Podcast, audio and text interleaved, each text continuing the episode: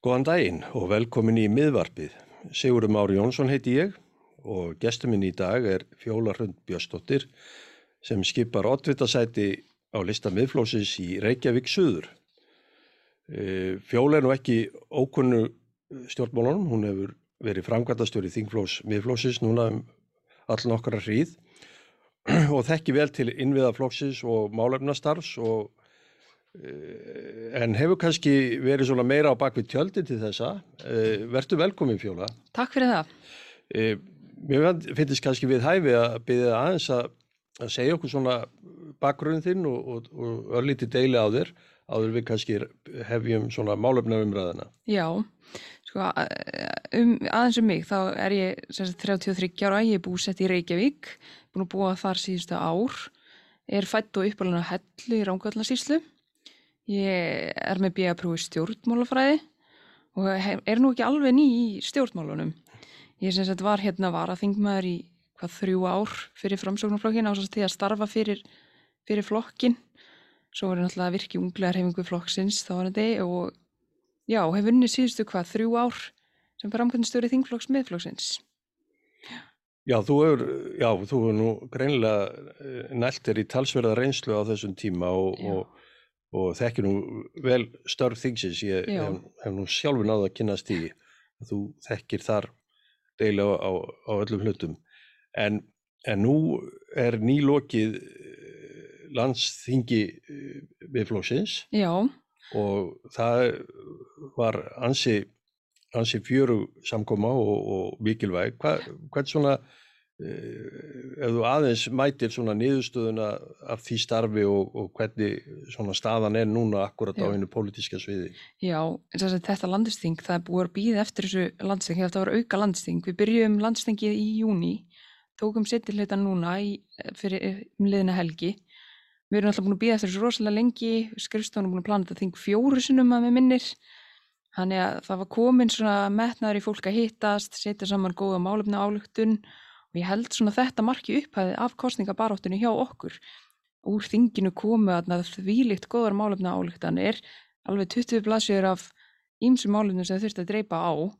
Eh, við erum alltaf rosalega ungu flokkur og þetta þing var rosalega mikilvægt fyrir okkur til þess að koma okkur inn í kostningabaróttuna og vinna málefni sem að bæði þingmenn, sveiturstjórnumfyllur var hafa unnið að síðustu ár. En ég held svona að þetta þing sé hafi verið rosalega gott ekki bara fyrir okkur frambjöðundunar líka flokksmannin til þess að sjá hversu mikill hugur var í fólki. Þarna voru allir á sama máli allir að vinna á góðu málefnum þannig að þetta var bara frábær byrjun á kostningabarðutinni og svo var þarna formarinn okkar Sigmundi Davíð með rosalega góða ræðu sem e, fólk hefur nú talað um að sé eina bestur ræðunum þar sem hann dreifti svona aðeins á málefnum ásend fleiru þannig að þetta þing var bara gott í alla staði. Já, það, það er alveg rétt og eins og bendir á að, að þetta, að, það er nú, hinn ánægilegi hluti stjórnmáluna er auðvitað að fólk hittist, uh, skiptist á skoðunum, leggst í umræðu, kynnist persónulega. Þetta gleimist nú oft í, í, í þessu og því miður höfum við búið við svolítið sérkjælit ástand undan ferið misseri þannig að það var sannlega kleðilegt að ná að halda þetta Já. landsting eins og þú lýsir. Já, það er líka bara einhvern veginn allt öðru sem að halda landsting í gegnum fjárfundabúnað, halda fundi í gegnum fjárfundabúnað og svo að hittast. Þetta er bara tvent ólíkt og ekki þetta líkið sér saman og einhvern veginn við komum svo miklu í verkum helgina, ég held að þetta hafi bara verið rosalega gott að losna af videokamerunu, af skjánum og komast í, í að hitta fólk og vinna saman að góðu málunum. Sannarlega og þetta gekk alveg ótrúlega vel og, mm. og bara ánægilegt að sjá þá stemmingu sér ríkti en, en eins og nefndir þetta snýst um málefni Já. og viðflokkurinn er til þess að gera ungu flokkur, hann kom með svona ekki löngu fyrirvara inn í síðustu kostingabaróttu, hefur haft lengri tíma til að móta starfsitt og, og málefnastöðu og þessi þetta landsting var, var sérlega mikilvægt að því sem við svona, ef ég bæði aðeins að svona hinn málefnulega staðaflóksins svona á þessum tímapunkti. Já, hinn málefnulega staðaflóksins er rosalega góð. Uh, úr þessu þingi eins og ég segi koma þarna 20 blaðsina álöktanir sem tóku á hinnum ýmsum málum. Í hvet bara fólk til þess að fara þessi yfir álöktanir og svona sjá hvað hva við vorum að fjalla um á þinginu en líka bara málefnastaf flokksins er rosalega góða til fyrir kostningar, nú stýttist ég að við kynum uh, eh, stefnisgrá okkar bara á næstu, næstu dögum þannig að ég held svona þegar að, þegar að uh, fólk sér kostningarstefnisgrána okkar, sér málefnaskrana eftir, eftir landstingið og hlustar að ræða sigmyndar sér að við erum með gríðarlega góð málefni sem munu hjálpa okkur í kostningum held ég. Ég held að þessi málefni sé eitthvað sem allir geta geta eh, tengt við og mun höfða til flest allra. Þannig ég tel það að vera, já, mjög. Eh, ef ég, kannski, ef við færum aðeins að rýna í, í svona hinn einstöku málefni, ég, mm -hmm. það er náttúrulega einhvern veginn blasir við að tala um heilbriðismálinn sem að brenna daldi á þjóðinni e, e, ekki bara uh, vegna faraldusins heldur líka bara ástandin sem er ekki heilbriðiskefnin sem að og þetta segja að landsmenn séu stundu svolítið hissa á uh, þeim, þeim fréttum og þeim, þeim lýsingum sem koma inn úr okkar heilbyrðiskerfi við, við setjum sannarlega mikla fjármunni í þetta uh, það er kannski aldrei nóg á þessu sviði.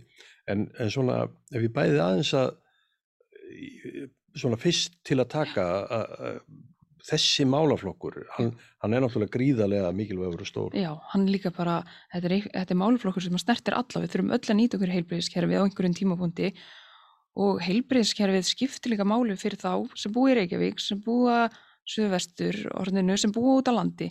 Það eru bara allir sem að vilja fá gott heilbreyðiskerfi og sem þurfa gott heilbreyðiskerfi og við þurfum bara aðeins að vinni því að efla heil, heilbreyðiskerfi, ekki bara Reykjavík, heldur út á landi Og þegar ég segi út á landi þá er ég að tala um heilbreyðstofnun út á landi, heilsugjörslun út á landi og að, að fólk geti leitað að, til eh, heil, heilsugjörnslu stöfa og heilbreyðstofnuna í sína heimabyggt.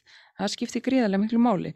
Ásand því að fólk hér í Reykjavík geti leitað á eh, heilbreyðstofnunir og þá eins og við horfum á landsbyðalan. Þannig er verið búið að vinna í nokkur ár við að byggja upp nýja spítala og ekkert gerist.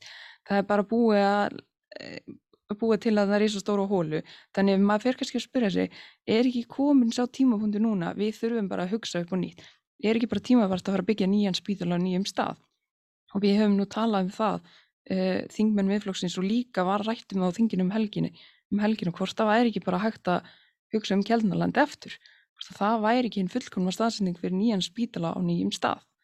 En þetta er bara eitt af mörgu sem má fara betur í heilbreyðskerfinu eins bara bæta starfsumhverfi á, á uh, í helbriðskerfinu í helbriðskerfinu, maður er alltaf búin að heyra rosalega lýsingur af því bara hvernig fólk var að vinna á landsbytunum og í helbriðskerfinu fyrir COVID. Og svo eftir COVID þetta er náttúrulega ekki neinu manni bóðlegt, þannig að það er bara bæta starfsumhverfi, það þarf að byggja nýjan spítala, það þarf að margt að gera helbriðskerfinu Já, mann finnst eins og umræðan undarfarið sko sé pílitið eins og ákall um nýja hugsun mm -hmm. og þú nefnir réttilega að uh, miðflokkurinn og, og, og formaður flósins, Sigmundur Davíð gerði alltaf mikla aðtöðasendi við uppbygginguna á landsbítalum eins mhm. og var ráðist í. Já. Hvað um það? það, er, það verður ekki, því verður ekki breytt úr þessu en það er alveg rétt sem þú segir að, að það þarf að huga, nú þurfum við kannski eins eins öfusnúi og sem gæti mm. þótt það að huga að stefnumótu til langs tíma Alkjörlega. þannig að, að uppbygging næsta stórsjúkurahús sem gæti verið mm.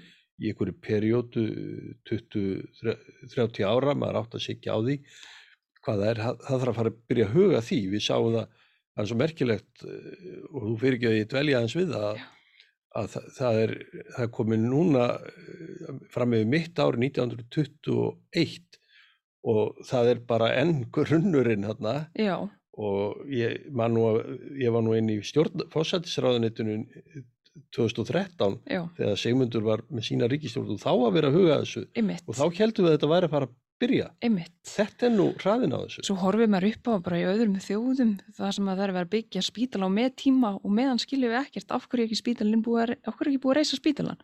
Hvað er það sem er að stoppa okkur?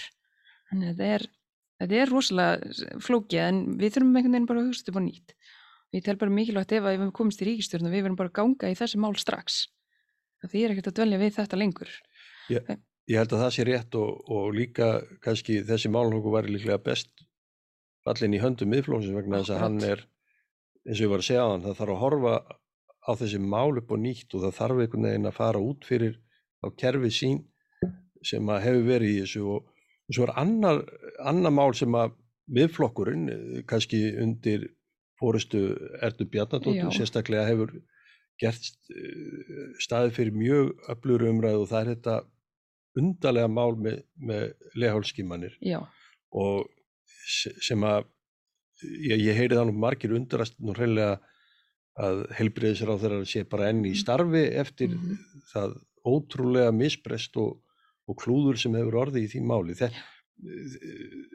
Miðflokkurinn hefur, og því miðflokkskonur sérstaklega mm -hmm. vil ég nefna, hafi gert þetta að miklu umræðefni. Já, Erna Björnadóttir hefur náttúrulega unnið gríðalega upplugt starf með því að stopna hópin á Facebook aðfæra hilsu kvenna þar sem að fullta konum er að deila áfram reynslu sinni af því að þeirra býða, af því að, að, því að díla við kerfið, svo hefur annarkólubun árnátu þeir rætti þetta tölvert að þingi og skrifa greinar.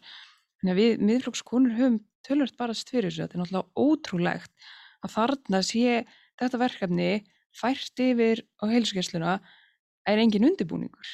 Þannig eru bara konur búin að býða í margar í yfir halvt ár í vonu og óvun, vitandi það að eitthvað muni jafnvel koma út úr sínum sem að ekki, þetta gengur bara ekki upp. Þetta er bara ótrúlegt að það þurfa að senda sínin út ef við höfum fólk sem getur unni sem getur greint sínin hér á landi. Við höfum búna, við höfum fólk. Áhverju getum við ekki nýtt þetta? Þetta er náttúrulega bara ótrúlegt hvernig heilbyrðisráður hefur gengið fram með þessu máli. Ótrúlegt að ekki fyrr hafi verið búið að grípa í taumuna þetta er náttúrulega bara risastórt mál og þarna verið að gamla með heilsu kvenna og auk þess sem maður heyrst af konum sem hafi farið út í skimun af því að þær treysta sér ekki til þess að býða hér á landi eftir að fá út úr skimununum. Þetta er náttúrulega bara ekki bóðilegt og það er bara, sem ég segi, það er bara að vera að gamla með heilsu hvenna. Það er eins og, heilsu, heils, og heilbriðsraðar átt að segja ekki á, sko, heilsa hvenna skiptir gríðarlega miklu málu, þetta er ekki eitthvað til að leika sem með.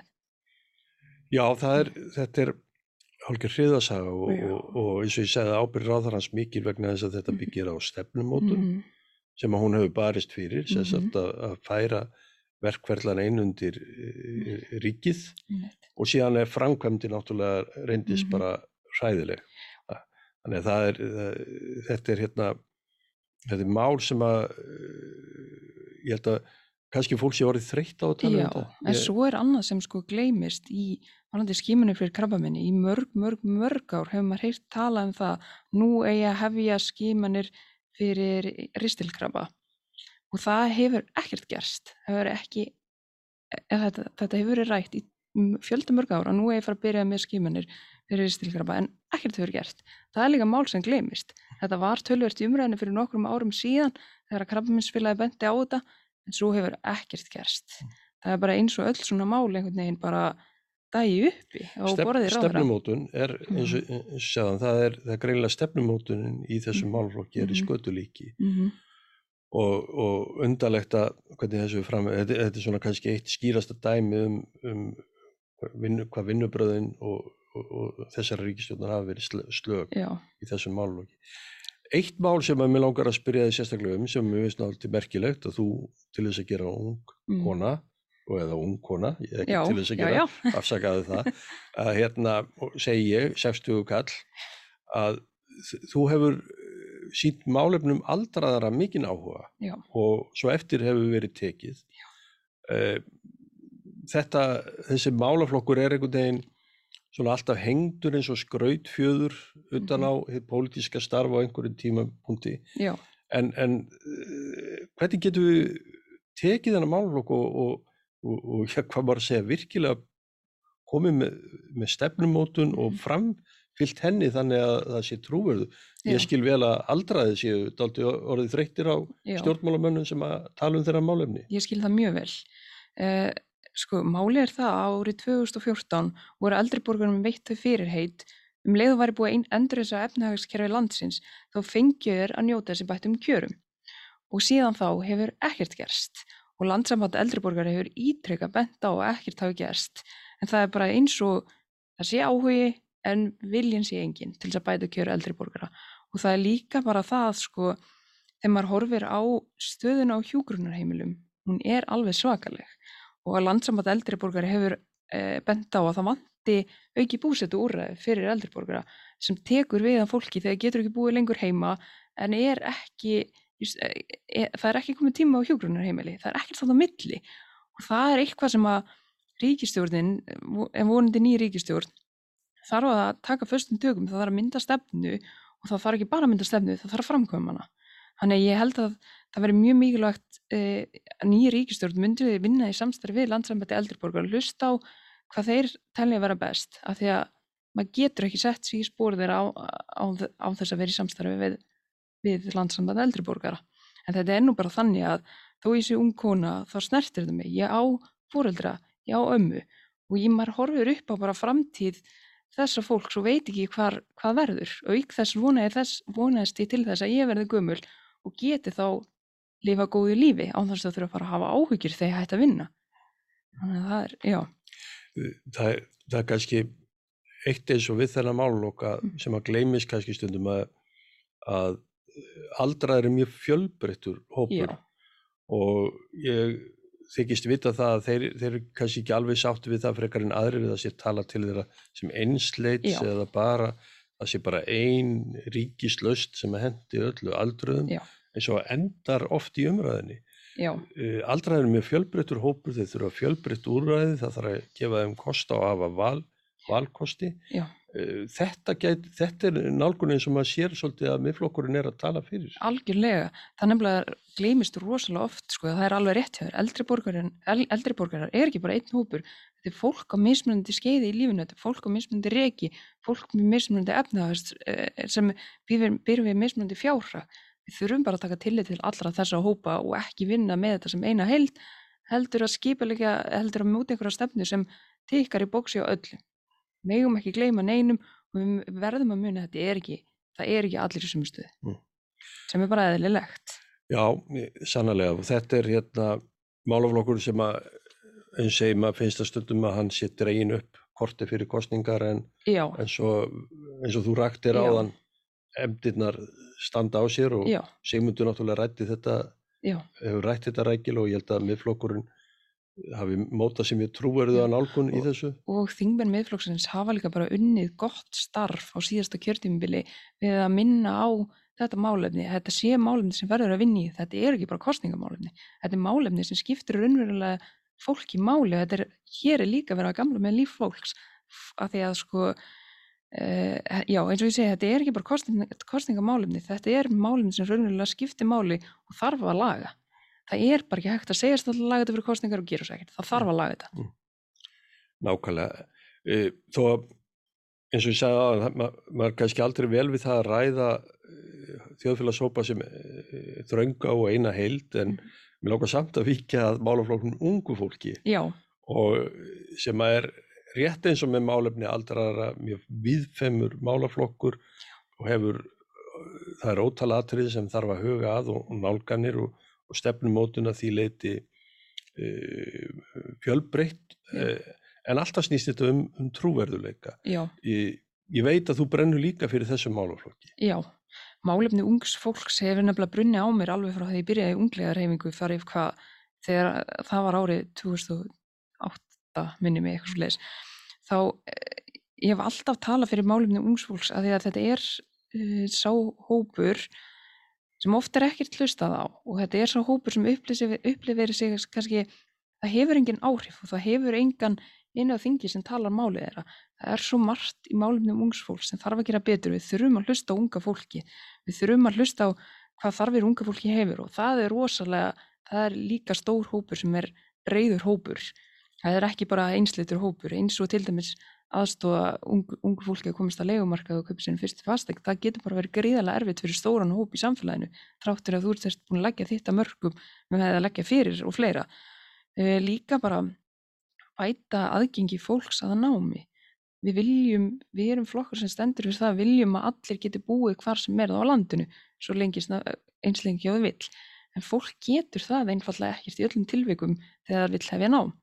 Gríðilega mörg, uh, margar námsbrautir og margir háskóla sem bjóða einfallega bara mjög, mjög takmarkað upp á uh, fjarnám.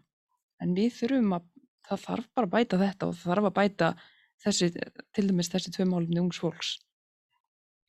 Já, það er, og eins og þú réttilega nefnir uh, húsnæðismálinn er, er málaflokkur sko að sömuleiti má segja að lausna og húsnæðisvanda ungfólks sé lausna á, öðrum málum á húsnæðismarkaðinu vegna þess að ungfólk lausnina getur verið til þess að einfaldar hjá því. Það Já. er ungt fólk er það er tilbúið, það er næ, að sömuleiti næju samara þegar kemur Mhm. húsnæði uh, og þannig að það er stór hópur. Og ef þú leysir þann vanda þá liðkar þú svo mikið til Já, á húsnæðismarkaðinu og það er kannski líka, það er kannski ekki alveg rétt mér að segja að þetta sé bara mál ungs fólks að þetta eru rosalega margir meira ekki sem eru komin á miðan aldur sem eru bara fastur á leigumarkaði, langar að kaupa sér fyrsta fastegn en hefur ekki svögrum til þess. Þannig að við þurfum líka að liðka fyrir hjá þessum hópi. Og Sigmundur Davíð kom nú réttilega inn á það í ræðu sinni á eh, landstinginu um síðustu helgi um að við þurfum að aðstofa fólki að kaupa fastegn, að eignast sína fastegn og hann nefndi til dæmis uh, hann nefndi til dæmis með það að uh, þá verður öllum uh, gefin kostur á að kaupa eign uh, með hlutillaframlæði frá fjárfyrstingarstöðu fastegna og þetta er bara virkilega góð hugmynd hjá hann og ég held að þetta sé eitthvað sem við þurfum að vinna með frekar í kostningabaráttunni. Já, þarna verðist vera að fæðast mjög áhugaverð nálgun á, Já. á þess, þennan málaflokk og, Já, og, og, og útfæslan er nú, kom nú þokkalega skýr þarna en, já, en það verður spennandi að sjá framhaldið á því. já, akkurat. En svona kannski í, í lokin fjóla, uh, þú ert núna í frambóði hér í höfuborginni, Reykjavík Já, og ég þekki þið nú ágætlega og veit að þú er nú mikil borgarstúlka orðin já, með rætur út í, út í sveitu landsins já, einmitt. en Reykjavík er náttúrulega uh, svona höfuborgin Já. uh, og málefni þar eru, eru af svona margvíslegum toga og, og hvernig svona sérðu fyrir þér svona það sem að þarf helst að, að hvað, hvað er okkar sterkasta nálgun inn í mál, málefni borgarinnar Ég held að þessi tvent sem er uh, þessi, ég held að samgöngumálin verði rosalega mikilvæg í kostningabaráttunni og ekki bara fyrir kostningar, þetta er eftir kostningar og þá hefur við sundabraut og borgarlínu. Þessi tvö málefni skipta borgarbú, borgarbúum gríðarlega miklu máli. Og sundabraut, það er búið að tala um sundabraut í mörg, mörg, mörg, mörg ár gerist ekkert nema eitthvað rétt fyrir kostningar sem er bara alveg ótrúlegt. En sundabraut er rosalega mikilvæg fyrir eh, til þess að au- til þess að eh, hérna Já, liðka fyrir samgöngunum. einmitt, liðka Og fyrir samgöngum. það er til og frá borginni, myndi ég halda. já, akkurat. Og bæta þarna líka flóttalið úr borginni. Mm. þannig að ég held að sundabraut sé eitthvað sem við verðum bara ekki bara fyrir kostningar, heldur á eftir kostningar að keira á því þetta skiptir gríðarlega miklu máli fyrir marga íbúa á höfuborgarsvæðinu, ekki bara höfuborgarsvæðinu, heldur utan höfuborgarsvæðinsins. Já, ég, ég finn, maður finnur það eh, greinilega að, að það, það eru gríðarlega margir sem að eh, sjá tækifæri og möguleika í sundabröfu og skilja eðli verkefni sem er í bæði samgöngu og byggðaþróuna verkefni Já, vegna þess að það opnar kannski eh, nýjar leiðir, ekki bara nýjar leiðir til og frá borginni, heldur Einmitt. byggðaþróuna leiðir en, en svo sér maður líka að, núverandi meirilut í borginni sem að sömur óttast nú að verði fyrirmyndað landstjórninni Mhm. líka, hann hefur engan áhuga á þessu. Nei, nei, nei, nei, engan áhuga, en svo hefur eh, rá, hana, samgöngur á þeirra eh, sínt þessu verkefni áhuga bara núna upp úr síðkastið sem er bara eitt af, kostni, eitt af kostningartryksunum í bókinni sko. að, að, að rétt fyrir kostningar að sína þessu verkefni áhuga sem við viðflokksfólk höfum talað ítrekkuðum á kjörtímabilinu en ekkert hefur gerst í.